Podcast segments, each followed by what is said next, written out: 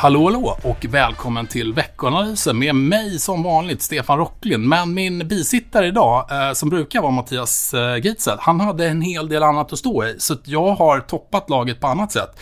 Jag har nämligen idag tagit med mig eh, en kollega, Sebastian Gilowski. Varmt välkommen Sebastian. Tack så mycket. Ja, kul att ha. Det är premiär för dig. Du har Ja. inte varit där. Nej, vi har ju en annan en kollega. Marcus har varit med några gånger, men du har inte varit med. Nej, det är Ja. kul att vara här. Ja, men vad härligt. Jättekul. Eh, och det här kommer bli minst lika bra som det brukar bli.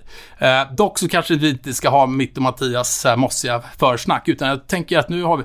Sebastian är hälften så gammal som mig, så han vill nog komma igång bara. Så att, eh, jag tycker vi kör igång på en gång. Och eh, jag och Mattias har ju haft någon sån här episkt ord, att vi tycker, vi säger stök varje, varje podd. Och då tänkte jag, hur var föregående vecka tycker du, eh, Sebastian? Eh, jag tänker använda ett ord som man tydligen inte får använda år 2022, nämligen att det var mycket volatilt. Volatilt. Det är ett finare ord för stök, skulle Ja. jag säga. Ja, men det är okej. Det var lite volatilt, säger du. Var det något specifikt? Hur var... För jag bara kommer ihåg att det spelar väldigt stor roll vilken tid man kollade vissa dagar på börsen. För det kunde vara så här 2-3 procentenheter på Det- fel sida nollan. Det stämmer. Eh, framförallt torsdagen och fredagen var väldigt turbulenta. Eh, på torsdagen började det ganska bra i Sverige, men sen så gick det ner och sen så gick det upp och så gick det ner. Eh, så mellan topp och botten, både i Sverige och i USA, så kunde det skilja upp till 5 procentenheter. Vilket är otroligt stora rörelser under en dag. Och, eh, och då ska vi också säga, i det där så var det en hel del stora rörelser i, eh, i ja, även i valuta, men framförallt tänkte jag då på räntemarknaden. Så det känns som en sån här dag att om man hade suttit och tradat här så hade man ju kunnat gå både dubbel, trippel och kvadruppelfel någonstans. Ja. Eller varit episkt duktig som alla alltid i efterhand då. då. Eh, det var otroligt svängigt, måste jag säga. Det var det. Eh, var, var det något specifikt som, som triggade igång det där då? Eh, ja, det var ett par grejer. Eh, dels så kom ju de amerikanska inflationssiffrorna in vid 14.30 på torsdagen. Eh, och de var ju högre än väntat, eh, vilket inte är någonting som tas emot väl från börsens håll just nu. Eh, utan det störtdök på det beskedet, men sen vänder det upp igen. Eh, och det har snackats en del om att det var eh, olika derivat som skulle stängas, positioner som behövde stängas.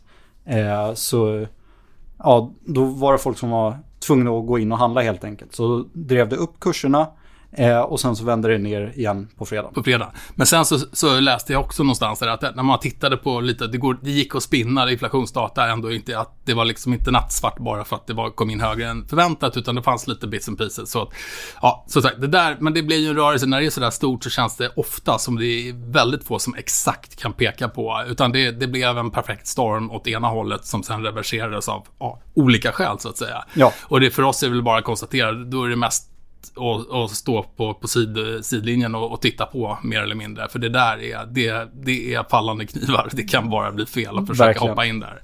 Eh, Okej, men uh, vad, vad, okej, för, föregående vecka, eh, det var inflationstal som drev på där. Jag tänkte, var det någonting annat där, eh, lite företagshändelse, bolagshändelse på slutet? För vi har ju börjat så smått va, komma in i liksom Q3-rapporteringen här. Ja. Eh, bankerna eh, drog igång med sina rapporter i, från USA. Eh, de amerikanska storbankerna. Eh, så vi hade rapporter från bland annat JP Morgan, eh, Morgan Stanley, City och Wells Fargo. Och JP Morgan som är den största av storbankerna släppte en väldigt bra rapport. Samtliga banker hade ett lägre resultat än samma kvartal föregående år. Men JP Morgan presterade i alla fall bättre än väntat. Eh, Morgan Stanley presterade sämre än väntat på grund av eh, lägre investment banking aktivitet. Alltså färre företag som köper upp andra företag och börsnoteringar och sådana saker. Eh, och sen så var det vissa, ja, man eh, eh, la undan för kreditförluster i framtiden. Lite reservering. Ja, Ja, reserverade sig för kreditförluster som eh, gör att vissa resultat blev lägre än väntat. Men att det ändå var... Ja, det belastar resultatet just nu. Men det är inget som eh, är lika dåligt för bolaget som att de faktiskt hade tjänat mindre pengar. Ja, men, eh, jag förstår vad du menar. Eh, men totalt då, om vi bara summerar amerikanska banker. Det, det, det kom ju en till här, eh, här på morgonen också, men det kan vi ta lite senare.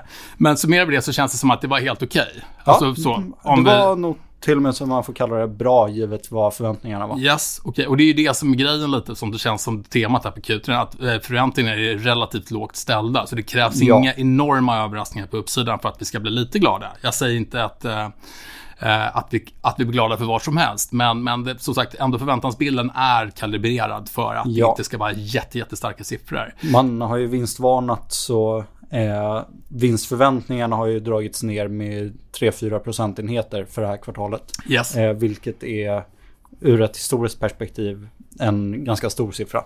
Yes. Och jag tänkte bara avsluta då föregående vecka då, innan vi går in på föregående veckas makro, att eh, vi fick ju även då ett nytt eh, regeringsunderlag presenterat i Sverige. Ja. Eh, som, eh, som här eh, nyss då har eh, blivit, nu har vi fått en ny statsminister förstod jag det som. Jajamensan. I Ulf Kristersson. så att nu får vi se vad det blir. Och det här har vi haft flera diskussioner om historiskt och vi har haft ett eh, seminarium för våra kunder etc. Hur stor påverkan det här har. Eh, det brukar sällan bli eh, väldigt, väldigt stor påverkan vad gäller svenska val för finansiella marknader. Och det beror vi lite på. Plus att just nu har vi ett aktuellt case med UK när man körde ett stora, stora stödpaket utan finansiering och då blev det ju åka av. Och då slutade med att en finansminister inte jobbade så många timmar. Eh, så det, det, jag tror att den, den, svenska nya regeringen kommer ta det lite, lite, lite piano i början och känna sig för. Eh, men jag tror att vi släpper föregående vecka så, och bara går in på makro föregående vecka då. Vad vi, jag vet att det var ett tema, men innan det temat eh, tog fast i oss i slutet av veckan så kom det lite nya prognoser och saker va. Ja, det var en fullspäckad vecka. Eh, så vi drog igång makrostatistiken på tisdagen egentligen med eh, den senaste versionen av IMFs World Economic Outlook. Yes. Där de har sina prognoser över hur världsekonomin kommer att utvecklas under året och under nästa år. Eh, och för den globala tillväxttakten så skedde det inga revideringar för år 2022.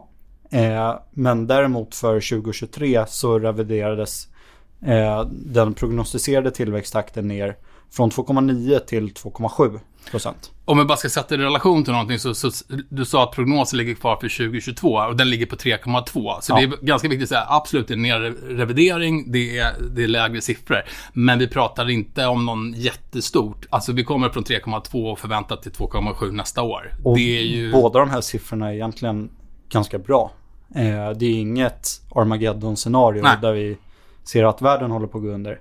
Eh, sen så om man dyker lite djupare i de här tillväxtprognoserna så ser man ju att det skiljer sig desto mer inom, mellan och inom regionerna. Eh, så för de mogna ekonomierna väntas 2,4 procents eh, BNP-tillväxt i år. Medan för tillväxtmarknader väntas 3,7 procent. Eh, och vi fick bland annat se en upprevidering för eurozonen för i år eh, från 2,6 till 3,1 procent. Så den skedde en ganska stor upprevidering för den prognostiserade BNP-tillväxten i år. Och risk för att jag klampar i klaveret här, 3,1 i eurozonen. Det låter det är högt. högt. Det är högt. det låter väldigt högt. Eh, ja. det är mer Grattis än vad man Europa, kan, liksom, Det är mer än vad man kan vänta sig. Ja, Men absolut. Eh, baksmällan kommer nästa år. Eh, för år 2023 revideras prognosen ner från 1,2 till 0,5 eh, procent i prognostiserad BNP-tillväxt. Och nu, bara om jag bara tänker högt nu då, här med KI kom ju in med, med svenska nya tal också och då pratar ja. vi, kommer du ihåg årets siffra? Eh, för i år så väntas eh, svensk BNP växa med 2,7 procent. Och sen var det eh, noll typ va, nästa år? Minus 0,1. Ja, okej. Okay. Så då... BNP väntas sjunka i Sverige nästa år ingen katastrof, men vi ligger kring nollan. Och det, den profil man, de flesta förståsigpåare ser är väl ändå att det kommer vara kanske lite tyngre kvartal 1 och 2. Att du kommer ha lite mer negativt för ja. att sen komma tillbaka kvartal 3 och 4. För att sen landa på mer normal eh, BNP-tillväxt under 2024. Ja. Men eh, totalen då blir att vi hamnar på nollan, eller då ja, minus 0,1.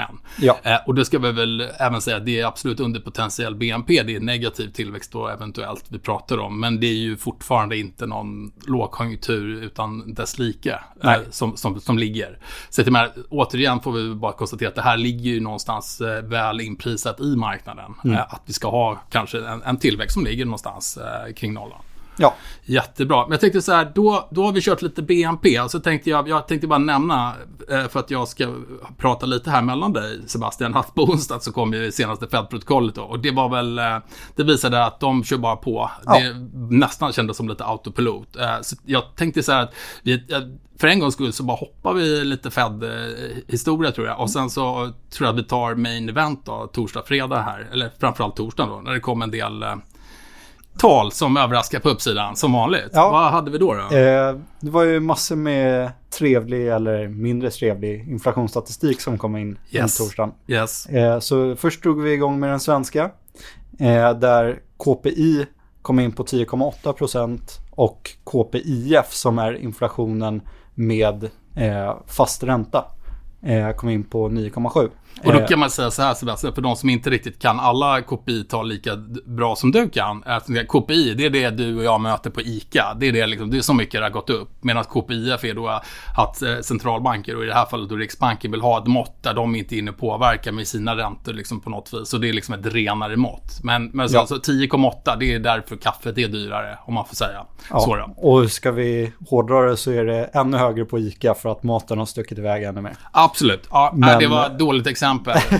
Claes Olsson, jag har ingen aning. Nu slutar vi ge gratisreklam för olika kedjor här. Okej, förlåt. Men, Men, KPI eh, för 9,7 ja. Eh, och det här var ju ganska dystert eh, eftersom det var högre än väntat. Eh, 0,3 procentenheter högre än väntat för KPI och 0,4 högre för KPIF.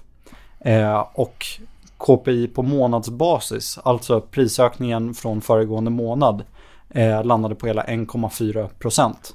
Otroligt hög siffra. Om man då bara högt. tänker att man ska analysera den så är det väldigt höga siffror vi pratar om. Ja. Så den exercisen gör vi inte tror jag. Vi räknar inte Nej. om det i årstakt. Vi låter bli det Vi låter för bli det. allas välmående. Okej, men då hade Sverige satt lite tonen där då. Ja. Och, eh, men men det, det var ju bara början på början då. Den här stökiga, om man säger marknadsdagen, när det var key reversals. Det var det verkligen. För sen så kom även USA ut och rapporterade sina inflationssiffror. Eh, och de vill ju inte vara sämre de. Eh, så även där kom inflationstalen in högre än väntat. Eh, 8,1% i KPI var väntat och det landade på 8,2. Eh, vilket är en ganska... Det är ju lite över det som hade prognostiserats. Men det är ändå ganska allvarligt när det är åt fel håll i det här fallet. När de är på väg ner men det visar sig att det biter kvar på högre nivåer. Mm. Och det är inte vad de vad centralbanken söker just nu. För jag blev lite glad när jag bara snabbt såg, nämligen, det tror jag det var någon av statliga media, var det Sveriges Radio som säger att inflationen går ner i USA. Ja. Tekniskt sett hade de ju helt korrekt eftersom det kom från en högre nivå. Sen att den då överraskade på uppsidan jämfört med prognosen som där då kanske var mer relevant. Ja, Eh, Det glömde de att nämna där. Så det, var en, det var en trevlig rubrik som inte riktigt eh, höll för en, eh, en, en mer djup granskning kan vi väl vara överens om. och så fanns det andra eh, nyhetssidor som eh, rapporterade om totalt mörker när de här siffrorna kom. Så det Ja, fanns- jag såg det. Skräcksiffra och hejsan hopp. Ja, Det var Ja. mycket bra clickbaits på olika sidor. Ja, men det är ju... Ja, Så och, om man läste allting så fick man väl en ganska nyanserad bild. ja, ja men det, det är fine. Okej, ja, men eh, vet du vad? Jag tror att vi ska rulla över in i, i, i veckan som kommer då. Och eh, det, det är väl bara att säga att det, det känns som att eh, det börjar dra igång ordentligt med rapporter då. Ja. Veckan har ju redan börjat eh, och nu i morse så fick vi kvartalsrapporten från Sandvik Mm. eh, som kom in bättre än väntat. Eh, exempelvis så väntades att deras försäljning skulle växa med 6,7 procent. Men den växte med 13. Mm. Eh, och eh, de hade väldigt goda orderböcker. Eh, alltså, eh, ja, sto- stora order helt enkelt. Ja, och Mm. Sandvik är lite sådär lite speciellt. För det brukar ju vara, det är Sandvik och Atlas som man säger, eller Atlas Copco om vi ska säga det. De brukar ju sätta tonen lite grann, för det är bra. De har en bra mix om, så här, om sina exponeringar som man brukar kunna dra vissa, vissa konklusioner. Det här är självklart lite mellan tummen och pekfingret. Men att få in en Sandvik-rapport som var decent och kanske lite 20 topp. Det är Ja. en ganska okej start tycker jag nu när vi börjar dra igång ordentligt på rapportsäsongen. Då. Så är det absolut. Eh, och eh, både Sandvik och eh, marknaden i stort har ju svarat ganska bra på det. Så i talande stund så är Sandvik upp 4,5% och eh, Stockholmsbörsen är upp nästan 2%. Ja. Eh, så det är lite gladare börshumör idag än vad det har varit under veckan som kom. Yes. Eh, och, men du var inne på, det har vi varit inne på redan tidigare, liksom att eh, temat någonstans är att det är relativt, det har varit vinstvarningar, eh, förväntansbilden är relativt liksom, lå, på, på en låg nivå. Ja. Så att det, vi, vi, vi kommer inte behöva, vi behöver inte sådana fantastiska rapporter för att ändå ska kunna tas emot rimligt okej. Eh, självklart så kommer man inte undan med vad som helst. Jag såg att det var någon av de här bolagen som många har. ett Mips. Mips, ja. Som, eh, ja, till och med, ja, vdn hade väl någon bra skön kommentar. Ja, att det var ingen eh, jättebra rapport. Nej, alltså. det, det var ingen jättebra rapport. Det var väl, det tror jag eh, han har en hel del aktieägare som absolut kan hålla med om. Att det var ingen jättebra rapport. De hade ju redan gått ut och vinstvarnat och så var väl försäljningen eh, var det försäljningen eller vinsten som var hälften så stor som Trots en, en relativt nylig eh, revidering då, Ja. på prognos. Ja, äh, Så- det, ehm, det, det är väl sådär då. Eh, nej, men om vi säger så här. Det, det är mycket bolag som kommer. Eh, och jag vet att ni pratade om att det var så här 40-50 bolag som kommer med nordisk eh, tilt här i, i, i mitten av veckan. Eller bara på torsdag. Ja, Eh, Så att jag menar, det, och det kan vi, vi kan väl ta det sen på slutet, bara nam- namedroppa några stycken. För det är ju liksom väldigt många households antar jag, som, som ska dyka upp där. det stämmer. Eh, någonting om vi tittar utanför Norden här då, så har vi väl, det var väl någon bankrapport också, någon av de stora här i USA som kom på. Bank of America kom in eh, nu för några timmar sedan och eh, även den visade sig vara ganska bra. Eh, givet eh, förhållandet vi har just nu såklart. Mm. Eh, men eh, överlag så har bankerna i eh, USA i alla fall levererat. Eh, och eh, bankerna var en av de grupper av företag som analytiker tyckte att man skulle hålla koll på inför säsongen. Eh, sen så utöver det så tyckte de att man skulle följa Apple och Tesla. Och ett av de bolagen rapporterar senare i veckan, eh, nämligen Tesla. Vi har även den sista av storbankerna om man får kalla dem så, eh, Goldman Sachs som rapporterar imorgon. Eh, det är ju inte mycket bankverksamhet för privatkunder men det är ju den största banken när det kommer till investment banking. Investment banking, eh, företagstransaktioner, Ja. eh, delvis även trading och sånt. Som, som, som, som, kräver ändå någon typ av, av eh, underliggande, gärna ett positivt sentiment som gör att, Ja. att, att många är villiga att ta risk och göra affärer. Så det har väl Och- inte varit perfect läge kanske 2022. Nej, de har haft det ganska tufft. Eh, och sen utöver dem så har vi läkemedelsjätten Johnson Johnson och eh, Netflix som jag tror att de flesta känner till. Ja, Netflix har jag hört talas om. Ja, ja, men det blir spännande. Jag tänkte bara avsluta där innan vi går in på lite av makro som sista delen för nästa vecka. Så, så, så vet vi att det har varit lite rock'n'roll i Storbritannien. Eh, De har bytt, eh, jag vet inte om de har bytt finansminister. Jag vet att han är borta. Ja. Jag vet inte om de har fått, Eh, fått de- in en ny här. De har någon ny. Ja, men härligt. Det behöver de nog. Eh, och jag vet att idag var det otroligt rally. Pundet stärktes och, rates längre, typ 20-30-åriga gilts som de kallas i, i Storbritannien, gick ner kraftigt. Det här var ju flera timmar sedan, så det kan ha hänt någonting sen jag tittade senast. Ja. Så jag vill inte liksom eh, vara allt för säker. Men som sagt, det där visar dock att, eh, att Eh, det, det finns absolut eh, saker som kokar fortfarande i Storbritannien. Det måste vi, eh, det är någonting som man ska styra på. Sen ska vi inte överdriva så hur stor del det till exempel påverkar Sverige så. Men det är ju ändå en stor ekonomi i närområdet. Så helt klart kan det bli vissa typer av spillover-effekter. Ja, det har även rapporterats en del om att eh, premiärministern, eh, att folk inom hennes parti vill att hon ska avgå. Hon har ju varit igång flera dagar. Ja, Känns som. Eller är det tre veckor? Jag kommer inte ihåg. Men det är ju inte länge hon har suttit där. jag Är det en, två tror- månader? Ja, Ja. Ah, ja. någonting i den stilen. Ah, ja, men det... Ett par Ja. veckor. Men Magdalena satt väl en timme någon gång här nyss, eller vad det var? Ah, det var lite längre kanske. Vet du vad? Jag tror att eh, tiden börjar så här. Det går ju fort när man har roligt. Så jag tänkte, vi, vi kastar väl oss in och kanske du kan eh, doppa in på eh, nå- några highlights makromässigt här under veckan kanske. Ja, eh, vi får lite data från eh, eh, den amerikanska bostadsmarknaden bland annat. Mm. Eh, viktig bostadsmarknadsstatistik därifrån. Eh, vi får SEV-index från Tyskland som mäter både investerares och analytikers förväntningar på ekonomin. Kan man säga att det är en sån här en konfidensindikator för typ finansiella industrin eller någonting, enkelt uttryckt? Det är en bra beskrivning. Mm. Eh, vi får de eh, europeiska eh, inflationssiffrorna, eller för eurozonen, Yes. eh, mer korrekt. Eh, och så får vi på torsdag ta del av statistik över svenska bostadspriser. Just det, då är det Value Value Guard som kommer, ja. Det Ja. stämmer det, ja. Och, Och arbetslöshet eh, får avsluta veckan på fredag. Och, Svensk sen, och sen ska vi ju inte, sen ska vi inte missa att det är ju världens fest i eh, Peking. Det är ju partikongress Ja. för kommunistpartiet. Det Och är valdags. det är val. Oj. Och, men vet du vad? Vi, vi lyckas, det är ju inte jättespännande vem som kommer vinna. Men dock så hade ju du och jag en, en diskussion tidigare idag. Att frågan är om han, han bara tar fem år till. Eller om han, han kör eh, och utnämner sig som eh, biggest kahuna for life. Ja, eh, än så länge så verkar det bara talas om eh, eh, att han får en tredje Att han rullar mandatperiod. vidare fem år till. Men eh, inofficiellt så kan det väl ses som att han eh, väljs på livstid helt enkelt. Vi Eller hade tills också- att någon kommer på en bättre idé.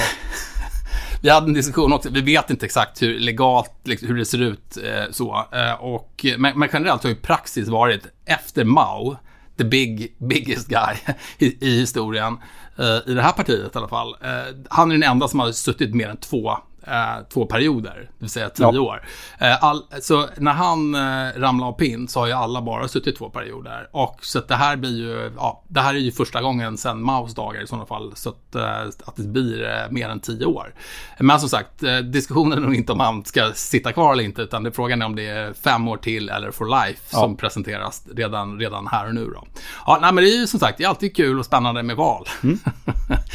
Jag tänkte bara, eh, Sebastian, nu är vi väldigt mycket på övertid, men det, jag tänkte bara, finns det någonting, jag, jag, jag kände bara att om vi bara summerar föregående vecka så, så hamnar vi väl liksom plus minus 0, procent upp eh, lite mer i Sverige då, eftersom inte vi hann få ner det här fallet i USA i, på fredagskvällen kanske riktigt fullt ut.